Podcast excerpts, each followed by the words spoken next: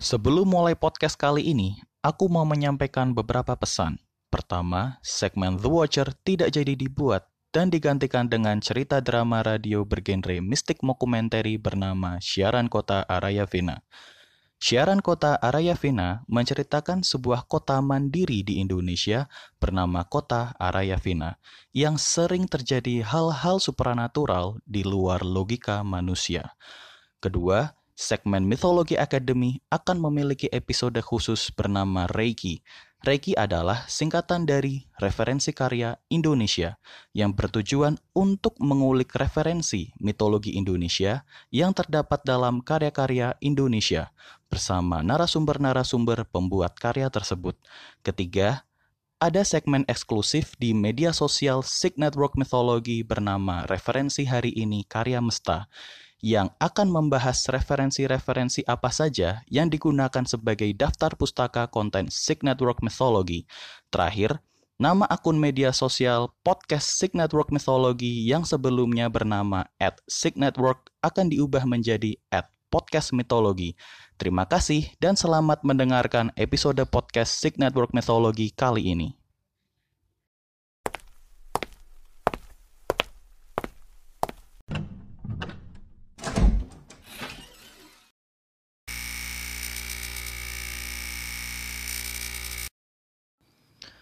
Halo semuanya, salam Starseed. Namaku Sig Aikis. Selamat datang di semesta Sig Network Mythology.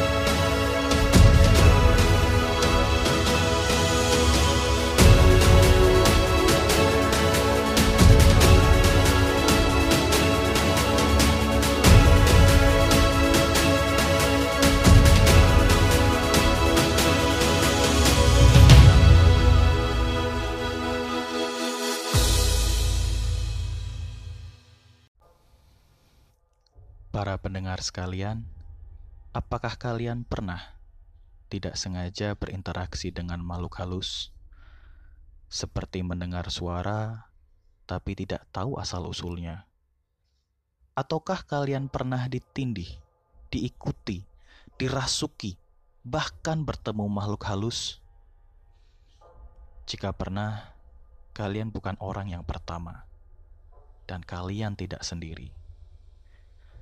Di episode kali ini, Lutfi Suryanda Atmojo dari podcast Lutok akan berbagi cerita tentang urban legend populer di Jepang. Selalu ingat untuk tidak mendengarkan podcast ini sendirian.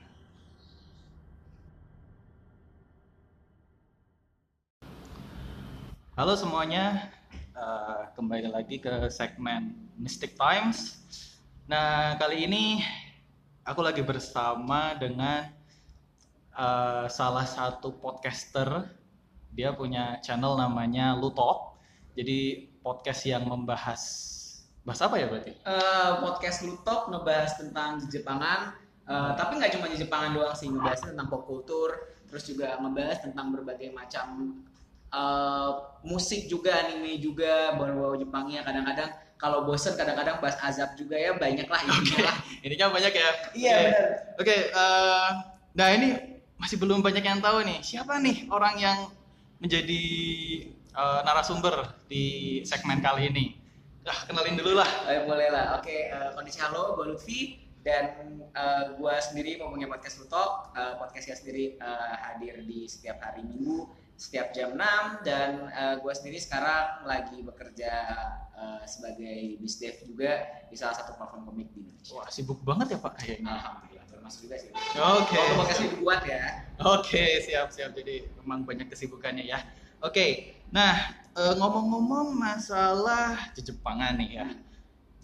Yang sejauh yang saya tahu gitu, yang namanya Jepang itu banyak banget eh, cerita-cerita mistis nih, Pak. Mm-mm. Ah, ah. Nah, sejauh yang saya tahu juga Mm-mm. ada istilahnya Hyaki Yakyu yang kemarin sempat di-share tuh di timeline ya. Iya. Ah, ah, gitu. Itu apa sih, Pak? Kalau boleh Jadi tahu. eh, Hyaki Yagyo ini tuh maksudnya adalah jadi tuh em, ibaratnya nih Hyaki Yagyo tuh kayak berkumpulnya tuh sera- kalau misalnya Jepangnya ya itu eh, kanjinya Hyaki, Hyaki tuh ada kanji oninya sama Yako ada kanji malam dan juga kanji pergi. Jadi kalau misalnya ada kanji eh, 100 setan malam pergi. Nah, berarti eh, se- 100 setan ini pergi bersamaan gitu kan kalau misalnya dalam harafiahnya. Tapi Hyaki, Hyaki Yako sendiri adalah uh, parade di mana setan-setan tuh berkumpul semuanya. Night Parade of 100 Demons sih, ya kan? Jadi ibarat kata mungkin ya ini ekuivalen dengan uh, tipikal Halloween-nya di sana gitu. Karena kan kalau misalnya katanya nih ya, Halloween itu kan pa- uh, tempat para uh, hantu atau hantu ya, para spirit ya, ya kan? Spirit itu berkumpul gitu. Nah, di Jepang nih sama gitu loh, ya kan? Uh, Hyakyagyo ini uh, tem- uh, apa namanya suatu kejadian di mana para para demon ya para uh, yokai ya kalau disebutnya di sana ya yokai, dan oni gitu kan oni dan yokai itu uh, berkumpul gitu dan terkadang membuat onar gitu loh kayak gitu Mhm. Nah, ini nih masalah perbedaan nih antara yokai dengan oni. Hmm. Itu sebenarnya perbedaannya apa sih? kalau misalnya yokai sendiri itu jatuhnya tuh kayak spirit sih kalau misalnya yokai itu jatuhnya kayak uh, spirit. Jadi kayak misalnya yokai itu ibarat kata tuh uh, ibarat kata di ekuivalennya di Indonesia mungkin arwah jatuhnya ya. Arwah Oh. jadi kayak cuman sema, cuman sebatas arwah gitu loh. Kadang-kadang bisa nunjukin uh, wujudnya atau enggak gitu. Tapi kalau oni oni itu kan uh, sendiri itu ada sosoknya gitu. Dan sosoknya itu kayak genderuwo tipikal Indonesia ya. Ekuivalen ya. Tipikal tipikal kayak buto ijo gitu yang emang dia gede terus sangar gitu kan. Mhm. terus juga menakutkan gitu loh. Kayak gitu sih. Oke, berarti memang ada perbedaan signifikan ya. Soalnya memang eh, terus ada juga yang namanya yurei, yurei gitu kan. Yure itu juga sama sih. Yure itu juga jatuhnya spirit juga gitu loh. Spirit. Tapi kalau misalnya Yure itu jatuhnya lebih ke eh, spirit yang benar-benar spirit gitu Oh, it's originally spirit. original spirit gitu loh kayak gitu Oke. Jadi kalau yurei itu original spirit, kalau yokai itu memang makhluk yang dari spirit Hmm. dan kalau yang oni itu berarti memang dia iblis gitu kan ya. yes Oke, I see. Nah, eh, kan pera ini disebutnya kan perayaan ya. Nah, apakah ketika perayaan ini seperti perayaan di Halloween, orang juga pakai kostum atau apa? Atau memang perayaannya orang pada masuk ke rumah aja gitu? Kalau misalnya di sini sih jatuhnya di apa di Jepang sana tuh jatuhnya tuh udah kayak perayaan yang ibarat apa ya jadi kayak semacam hiburan sendiri sih jatuhnya sih. Jadi kayak semacam atraksi sih jatuhnya gitu. Karena kan ibarat kata mungkin ya orang melihatnya unik gitu kan kayak gitu-gitu sih kalau di sana ya gitu. Oh gitu. Jadi nggak nggak semata-mata. Kan kalau diceritanya kalau nggak salah eh, orang-orang Jepang itu dilarang keluar katanya kan. Hmm. Karena kalau keluar nanti bisa bisa saja orang itu eh, diserang dengan oh eh, diserang oleh para yokai. Iya, tapi mungkin sekarang itu udah proporsi udah beda sih. Jatuhnya Hmm. proporsinya sekarang mungkin udah kayak eh, tem- kayak wisata aja gitu loh, kayak kayak misalnya kayak wisata menyeramkan gitu dan akhirnya ujungnya gitu loh. Eh, legenda ini tuh akhirnya menjadi suatu komoditi ya, menjadi suatu daya jual tersendiri yang unik gitu ya kan.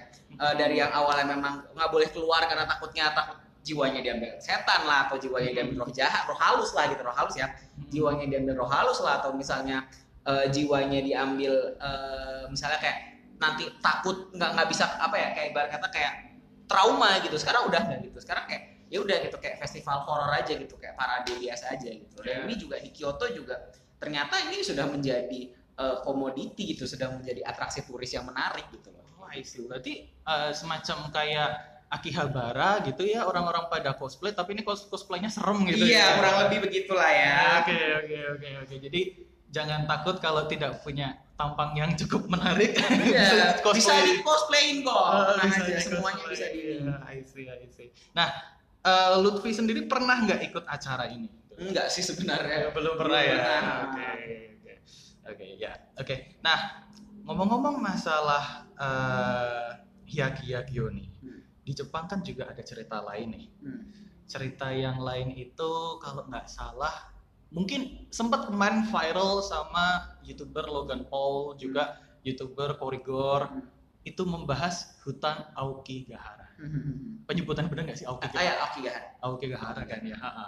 Itu eh, apa yang lo tahu tentang itu? Jadi Aokigahara tuh kayak sebuah hutan terpencil gitu. Jadi dia itu benar-benar ibarat kata mungkin eh, sebenarnya mungkin aslinya ya, aslinya ya. Aslinya mungkin bukan setua- sebuah hutan yang horor gitu. Cuman karena itu terpencil dan sangat-sangat sepi gitu, itu jadi itu jadi banyak orang itu eh, apa ya pengen untuk melakukan bunuh diri gitu. Karena di Jepang kan eh, apa ya so- eh, keinginan untuk bunuh diri itu kan sangat-sangat kuat. Apalagi kan mereka tuh tipikalnya mereka tuh belum punya agama ya, eh, bukan, eh, bukan belum punya, memang tidak punya agama gitu kayak kita gitu kan di Indonesia gitu. Jadinya mereka sendiri kadang-kadang kalau misalnya down down banget gitu kan, udah langsung bunuh diri aja gitu. Dan mereka pasti memilih bunuh dirinya tuh tempat yang tenang gitu, tempat yang tenang, tempat yang bisa dilihat siapa pun. Karena kan Jepang punya rasa malu yang gede kan. Nah itu ngomong-ngomong masalah rasa malu yang tinggi kan. Nah kalau tidak salah nih, kalau orang yang mau bunuh diri ke sana itu bawa semacam tali, Hmm. itu fungsinya buat apa? buat gantung diri karena eh, eh, pastilah kalau misalnya di sana kan bawa tali buat gantung diri karena begini karena kan kalau misalnya ke pohon gitu karena kan po- banyak pohon. Kalau misal dan itu kan nggak ada lembah-lembahnya kan jadi nggak Hmm. mungkin turun da- eh, bunuh diri dari lembah situ terus turun kan. Jadinya mereka ya karena banyak pohon di sana dan pohonnya pasti mempunyai ranting kan nah rantingnya itu dipakai buat bunuh diri. Jadi tali itu memang dipakai buat eh, bunuh diri gitu yang setahu gua gitu. Dan kebanyakan juga eh, mereka juga balik lagi gitu loh karena mereka pe- pengen meninggalnya dengan tenang gitu kan. Hmm. kalau misalnya eh, ini nggak boleh ditiru ya tapi ya. Iya, Eh, iya, kalau misalnya lu bunuh diri dengan cara dengan cara eh, pakai tali gitu kan lu, lu lu mengikat tali di eh, mengikat leher di eh, mengikat tali di leher gitu itu kan cepat gitu itu silent gitu loh. Dan Hmm. sesuai gitu loh dengan dengan dengan gaya hidup orang Jepang yang bunuh diri kalau misalnya bunuh diri udah gue mau ya silent aja gitu loh. Karena ada ada pilihan juga lu mau bunuh diri yang silent apa mau bunuh diri yang emang orang banyak lihat gitu loh kayak misalnya di gedung atau misalnya di mana gitu kan. Eh, tapi balik lagi gitu kalau orang Jepang kan karena memang apa ya budaya malunya tinggi budaya proudnessnya kali ya tinggi. Jadi mereka memilih Aokigahara kenapa banyak kasus bunuh diri ter- terjadi di Aokigahara sampai legend ya gara-gara itu gitu loh. Karena mereka mau bunuh diri itu dengan tenang gitu loh. Hmm, oh, I see. Nah, berarti eh nah ini yang mau aku tanyain ini pernah nggak sekelebat atau melihat sendiri Hmm. tempat lokasi Aokigahara? kalau Aokigahara belum sih sebenarnya Belum kalau ya? Jepang karena Aokigahara tuh bener-bener hutannya tuh sebenarnya sangat-sangat tertutup bukan tertutup ya sangat-sangat terpencil dan memang ibarat kata jat balik lagi tuh kalau misalnya gue sih eh, mikirnya adalah etika ya kayak misalnya kayak Hmm. eh udahlah gitu loh kalau kalau gue mikirnya adalah kalau misal lu, lu bunuh diri terus udah ya udah gitu tenang gitu maksudnya nggak usah nggak usah utak atik gitu karena kalau misalnya utak atik yang datang ke sana kan bukan orang yang sudah bunuh diri tapi kan bisa aja jinnya jinnya kan atau makhluk menyerupai si orang yang bunuh diri itu gitu. jadi Oh, oke. kalau gue sih balik tetap respect the dead aja gitu loh jadi Hmm. kayak kalau misalnya ada kesempatan buat Aokigahara ke sana gue nggak akan ke sana gitu loh karena gue lebih memilih untuk respect the dead gitu karena kalau misalnya kita sebenarnya gini eh, kita dengan makhluk goib ya itu cuman hanya beda dimensi doang gitu loh. Kalau Hmm. menurut gue eh, kita it- gitu gini. Ya kita sekarang ngobrol kayak gini ya siapa tahu ada orang yang duduk di depan kita belakang kita gitu. Cuma kita nggak bisa ngeliat gitu karena kan beda dimensi gitu. Dan Exactly. Ya, dan dan dan dan dan dan, dan, dan, dan mereka pun ya doesn't give a, doesn't give a, does- doesn't care gitu. Kayak ya udah sih gitu loh kayak kayak kayak mungkin di restoran atau gimana gitu kan di restoran kan ketika ada orang ngobrol seberang lu gak peduli dengan apa yang diobrolin kan Iya. kayak gitu gitu Terus ngapain juga kita peduli ya kadang? nah kadang-kadang ngapain juga kita peduli gitu loh jadi kalau gue tetap kalau gue sih orangnya tipikalnya tipikal yang memang respect the dead sih jadi kayak ibaratnya adalah ya udah kita beda dunia kita beda ini ya udah eh, dunia lu dunia lu dunia gue dunia gue gitu Hmm. lu asik gue asik eh, lu nggak asik ya udah gue berdoa gitu aja Oke, siap. Nah, eh, ada nggak maksudnya se, se- sepengetahuan lo aja nih? Kalau di Aokigahara itu ada semacam kayak urban legend tambahan, misal dari orang yang mati itu akhirnya menjadi yokai atau Hmm. menjadi yurei atau bahkan menjadi oni.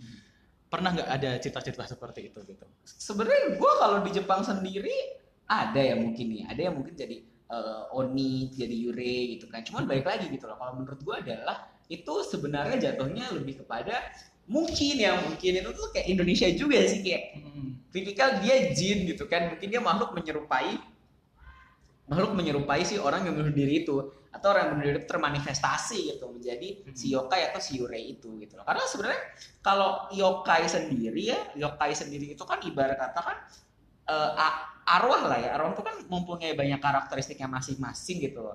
Eh, dan memang eh, itu berkaitan erat sih dengan yang namanya alam dengan yang namanya nature gitu loh Oke. ada yang Oni memang dia penjaga pulau, ada ya makhluk penunggu lah ya, makhluk penunggu penjaga pulau, terus juga ada yang yokai juga yang sama kayak gitu, ada yang menjaga sesuatu gitu loh. Jadi mungkin ada sih ya sama kayak di Indonesia gitu, tapi mungkin gitu loh ini. Oke. Nah, kalau kan lo sendiri pernah ke Jepang nih? Pernah ha? Ah, pernah kan? Berapa kali, Pak? Satu kali sih sebenarnya. Oh, satu kali. Satu ya. kali. Saya pikir dua kali soalnya. Amin lah. soalnya ini kayaknya orangnya jalan-jalan mulu ya kalau di timeline. nah, ini eh, mau tanya nih, Ah. pernah nggak eh, ke tempat kuil tertentu di Jepang? Kalau kuil pernah waktu itu, itu waktu itu kuil, eh gue lupa namanya apa. Ada kuil, kuil yang lumayan terkenal kok. Ah, ya. Aduh, udah itulah pokoknya namanya. Gue gue gue. Ya, terkenalnya apa deh? Terkenalnya apa? Kuliah terkenal banget. Eh itu kalau nggak salah gue ke Jepang namanya A aduh. A, A- Asakusa, Asakusaji. Asakusa. Kuil Asakusa itu memang tempat turis gitu loh. Oke. Dan pas gue di sana gitu, apa ya? eh, arwah apa arwah ya? Apa ya?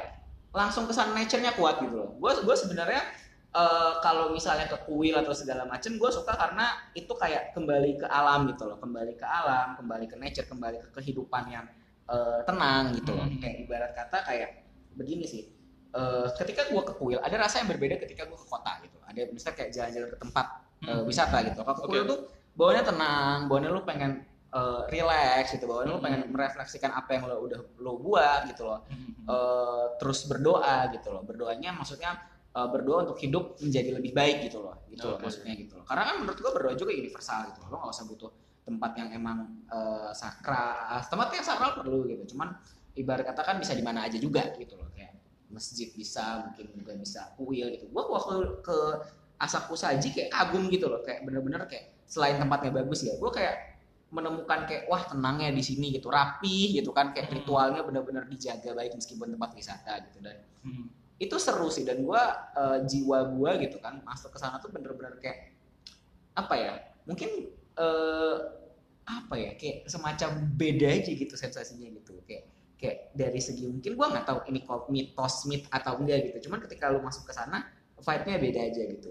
Mungkin kayak ibarat kata kayak lu mungkin di grid sama yang namanya orang-orang yang menjaga kuil sana gitu yang menjaga kuil sana lu di grid dengan ramah. Jadi kesannya kayak ketika lu masuk tuh kayak wah beda ya gitu. Kayak dijamu gitu ya. kayak dijamu gitu loh Oh. dijamu sama mungkin ya orang yang eh, s- orang yang memang eh, terlihat dan yang tak terlihat gitu jadi kayak ayo ke sini ayo ke sini kita eh, apa ya eh, berdoa bersama gitu.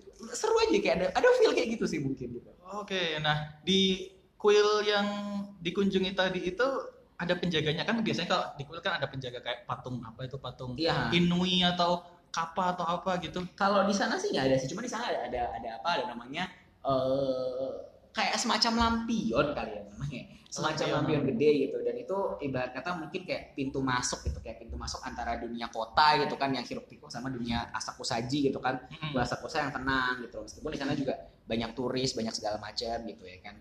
Tapi di sana tuh kayak, kayak semacam perbatasan gitu loh ke kehidupan yang memang saat ini dan kehidupan masa lalu gitu. Kayak serem gitu kayak masuk kayak wah beda aja gitu vibe-nya gitu. Bukan dari terlihat tapi tidak terlihat pun juga berasa gitu loh Oke, Hmm. menarik sekali ya. Nah, eh ngomongin kuil nih. Nah, setelah ngomongin kuil ini, ada sebenarnya hal yang menjadi urban legend paling terkenal nih sampai jadi film waktu itu namanya The Ring ya. iya Ah, The Ring gitu. Ini bukan acara di bukan acara musik ya, bukan ini ini eh jauh banget pak jauh banget itu Iya. itu receh sih sorry nah ini The Ring The Ring kan terkenal dengan Sadako ya ceritain dong apa menurutmu tentang Sadako ini gitu Jadi Sadako itu kalau misalnya Sadako adalah eh, hantu yang dia keluar dari sumur, ya kan? ya Jadi ibarat kata eh, dia itu sebenarnya tokoh fiksi sih sebenarnya sih ya kan.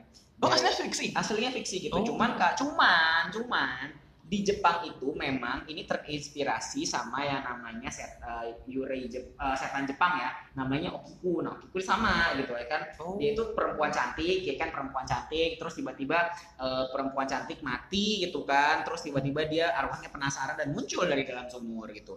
Basically inspirasinya kayak gitu gitu. Dan sebenarnya Hmm. eh, apa namanya Sadako sendiri tuh eh, juga eh, sebenarnya apa ya kalau misalnya dilihat gitu kan kenapa orang takut gitu kan orang kan kan Sadako bikin orang ngeri ya satu karena dia keluar dari TV gitu kan Ya. dan yang kedua adalah gerakannya gitu loh Ah. gerakannya tuh bener-bener kalau dilihat kan tok tok tok tok tok rapi banget gitu kan kayak Iya. kayak, kayak bukan rapi ya kayak memang bukan manusia gitu gerakannya bener-bener cepat gitu ya. cepet seru banget ya. gitu loh dan dan dan, dan ternyata gue pernah baca waktu itu Hmm. ternyata Sadako eh, gerakan dari Sadako sendiri itu terinspirasi dari kabuki sebenarnya dari teater Jepang Oh. sebenarnya jadi eh, jadi memang kalau misalnya di teater Jepang itu kan movementnya kan bener-bener harus namanya juga teater gitu kan harus Oke. smooth banget gitu nah Hmm. sama gitu Sadako tuh kalau nggak salah si jadi Sadakonya tuh jalan gitu loh jadi kayak dia dia dia jalan eh, dia dia tuh jalannya tuh emang udah kayak harus aktor kabuki gitu aktor teater gitu makanya ngeri kan gitu Ah, oke, Apa- oke. apalagi dia itu tampangnya di sini itu mirip-mirip kuntilanak. Iya kan?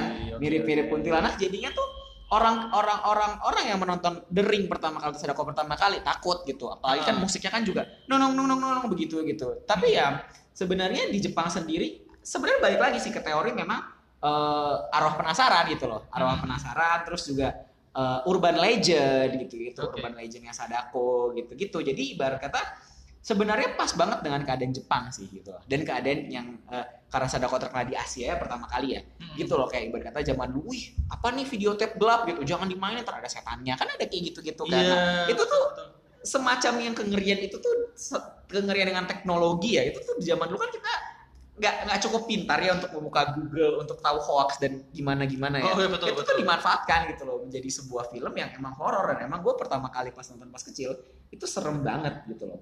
Serem banget dan apalagi dia kan bisa eh, apa ya em, apa ya mengcasting apa ya eh, dia bisa mengutuk orang gitu kan mengutuk orang untuk jadi mati dan beneran mati gitu ketika Oh, dia lihat betul. kan ketika orang lihat sadako dia mati gitu loh dia dia otomatis gitu loh Hmm. atau dia langsung bertatap muka gitu kan keluar dari TV gitu kan dia Hmm. langsung mati gitu ya Jepang juga kayak gitu Jepang kan sangat terkenal dengan yang namanya kalau saya terkenal tuh dengan kutuk mengutuk gitu loh ya kan dengan Oh, iya, kutukan betul, dei- betul. dengan Oh. kutukan gitu loh ya kan Eh, dengan eh, di sama kayak Cina juga sih gitu loh ada kutuk kayak kutukannya kuat juga gitu loh kayak gitu sih.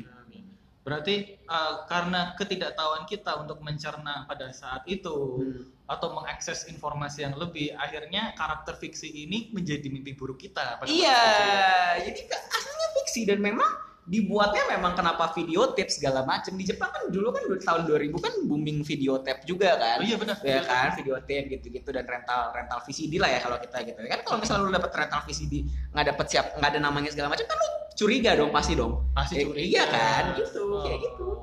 Oh, wah ini pengetahuan baru nih guys. Jadi baru tahu kalau itu ternyata karakter fiksi. Iya. Walaupun tetap based on masih ada referensi asli. ada referensi aslinya Nah, lah eh, ini referensi asli itu tahu nggak mau ada cerita aslinya tentang siapa itu tadi yang jadi si itu, Okiku ya si Oh, Okiku-nya. itu.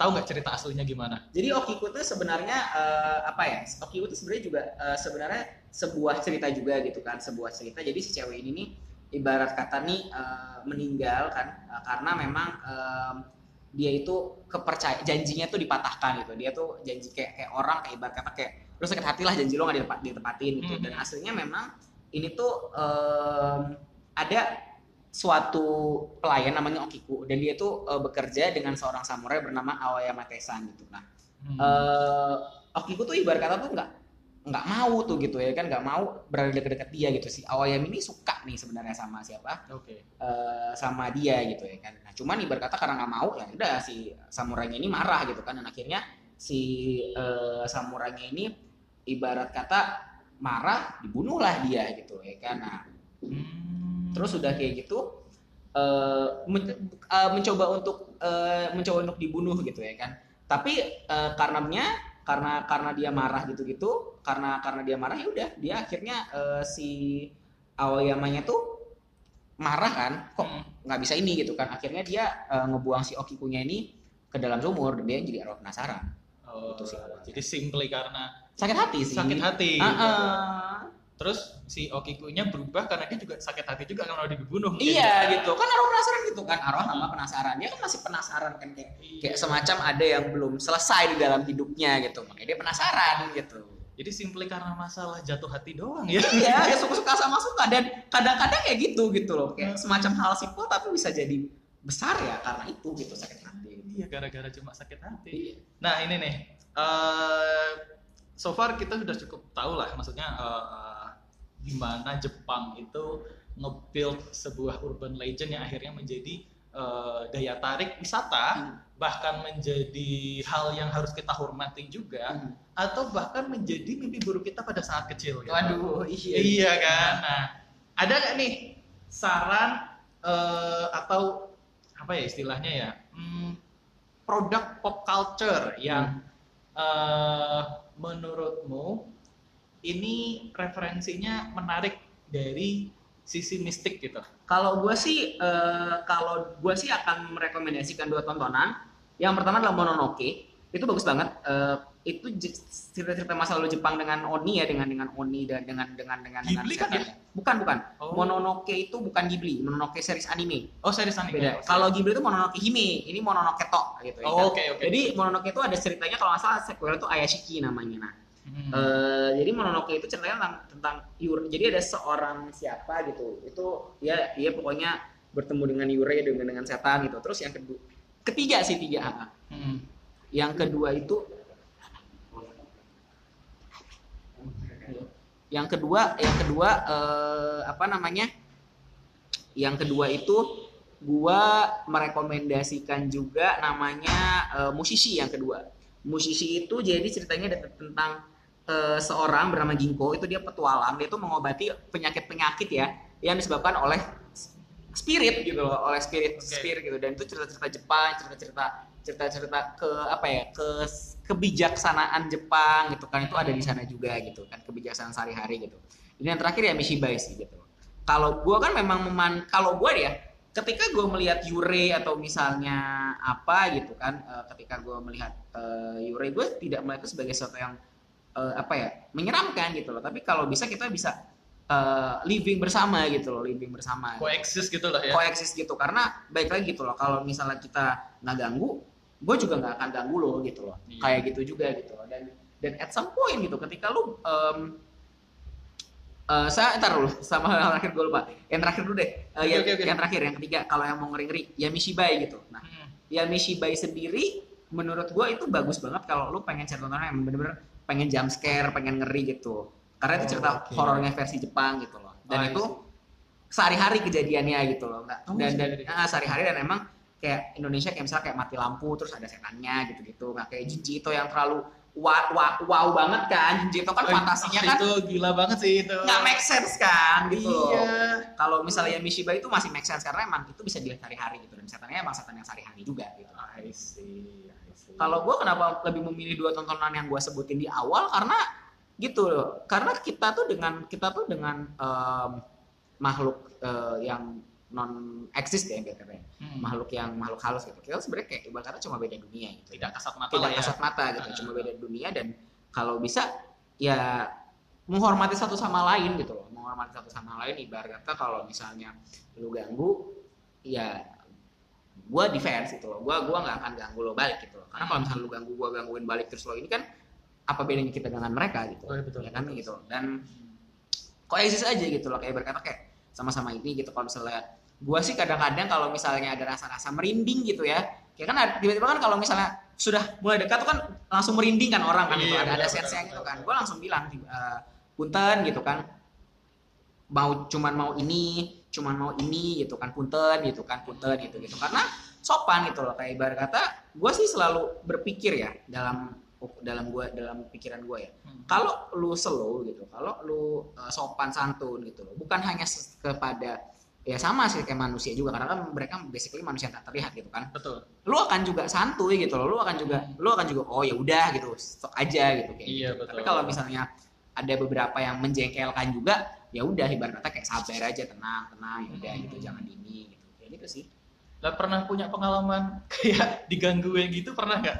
sebenarnya diganggu kayak gitu belum pernah sih cuman ibarat kata lebih ke apa ya kalau keganggu sendiri mungkin kayak ibarat kata waktu itu gue lagi mandi itu masih gue kecil sih. Kayak gue waktu itu lagi mandi tiba-tiba ada bayangan hitam lewat gitu. Gue kira gue kira siapa gitu. Gue gue kira adik gue lagi lari segala macam gitu. Ternyata enggak gitu. Terus kayak cewek-cewek gitu kayak zrem terus kayak diam udah? Oke lanjut mandi lagi. Gitu kayak gitu sih gitu. Cewek cewek mungkin semacam kayak kuntilanak zrep gitu lari gitu. Tapi kayak oke ya mandi lagi. Gitu Oke. sih kalau gua gitu. Jadi itu cara lo deal with it gitu lah ya. iya gitu loh karena kalau misalnya kita takut atau segala macem ya apa ya kita akan selalu terprogram gitu untuk takut segala macem gitu loh dan akhirnya Betul betul. Iya gitu. Hmm. Kadang-kadang kan gue kan eh, sekarang kan eh, tinggalnya kan di sekitar Fatmawati gitu kan. Dan memang kalau misalnya jarak dari tempat tidur tempat gua, tempat tidur gua dan dan kamar mandi kan kamar mandi di luar juga. Itu kan harus ke bawah gitu kan. Jam 3 pagi memang ada yang nungguin gitu loh. Oke. Ada yang nungguin gitu. Menurut yang punyanya ya, yang Ah, punyanya ah, gitu, ah. yang punya rumahnya gitu. Ada yang nungguin gitu. Tapi ya sudah gitu loh. Gua kadang-kadang jam 3 suka merinding, suka segala macam. Cuma gua kayak ya udah gitu loh misi gitu gue selalu Ah. bilang misi misi gitu cuma mau ke sini doang gitu udah gitu loh Oke. At least kalau karena kan gini, mereka kan pasti kan yang makhluk itu kan waspada gitu loh. Nih orang mau ngapain gitu kan. Iya betul. Nih orang mau ngapain gitu sama kayak kita lah strangers gitu Iya kan. betul. Kalau kita cuman kalau kita menunjukkan niat kita, kita cuman ini doang kok gitu, cuman ngomong gitu kan, ngomong sendiri aja gitu kan. Oh. Misi cuma mau pipis doang, cuma mau ini doang, misi ya gitu. Kayak gitu udah. Oke, ya karena berhubung eh, Bung Lutfi juga ada acara, saya juga Waduh. ada acara ini. Kita akhiri dulu eh, sesi kali ini. Terima kasih buat Lutfi. Terima kasih banyak. Eh, yang udah ngisi konten ya. Eh, kita jadi sedikit banyak eh, tahu lah tentang Jepang akhirnya, Hmm. tentang urban legend. Urban legend. tentang urban legendnya Jepang. Jadi eh, kalian mesti hati-hati kalau mau ke Jepang ya. Oke. Iya. ya, terima kasih semuanya. Sampai jumpa di podcast-podcastku selanjutnya. Bye bye. Bye. Para pendengar sekalian, seperti itulah ulasan episode kali ini. Apabila kalian memiliki saran dan masukan terkait dengan bahasan episode selanjutnya, sampaikan dalam email sick.aikis at gmail.com dengan subjek ide untuk podcast mitologi atau kirim pesan ke media sosial podcast Sig Network Mythology seperti Facebook, www.facebook.com slash podcastmetologi dalam kurung karya mesta Twitter www.twitter.com slash podcastmetologi dan Instagram www.instagram.com slash podcastmetologi Apabila email dan pesan yang masuk banyak, maka akan dibuatkan episodenya. Sebelum episode kali ini berakhir, kita simak iklan berikut ini.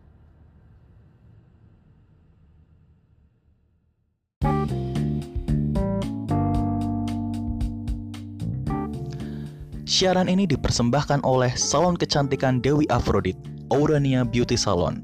Salon kecantikan yang bisa mengubah Medusa menjadi Madonna. Melayani segala macam treatment kecantikan mulai dari potong rambut hingga makeover dengan harga terjangkau. Terbukti membuat para dewa jatuh hati. Segera kunjungi salon kecantikan Dewi Afrodit Aurania Beauty Salon di Jalan Venus nomor 2, Distrik Elysium, Kota Arayavina. Oronia Beauty Salon, salonnya para dewi dan bidadari.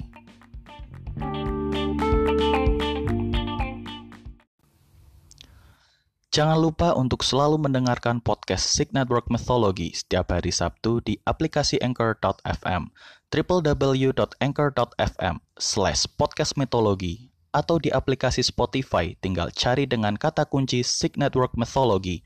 Follow juga akun media sosial Sig Network Mythology seperti Facebook, www.facebook.com slash podcastmythology dalam kurung karya mesta, Twitter, www.twitter.com slash podcastmythology, dan Instagram, www.instagram.com slash podcastmythology. Jangan lupa untuk mendukungku di platform apresiasi kreator bernama Karya Karsa di www.karyakarsa.com slash podcastmythology Dukungan teman-teman pecinta mitologi sekalian akan membantuku untuk terus berkarya. Apabila kalian memiliki ide ataupun saran untuk episode podcast Sig Network Mythology, email saja ke sig.aikis@gmail.com dengan subjek ide untuk podcast mitologi. Ide terbaik akan dijadikan bahasan di episode selanjutnya. Terima kasih kepada para kontributor yang sudah memberikan masukan untuk episode kali ini. Terima kasih juga kepada kalian semua yang sudah mendengarkan podcast Sig Network Mythology. Sampai jumpa di semesta Sig Network Mythology selanjutnya. Aku, Sig Aikis pamit undur diri. Salam Starseed.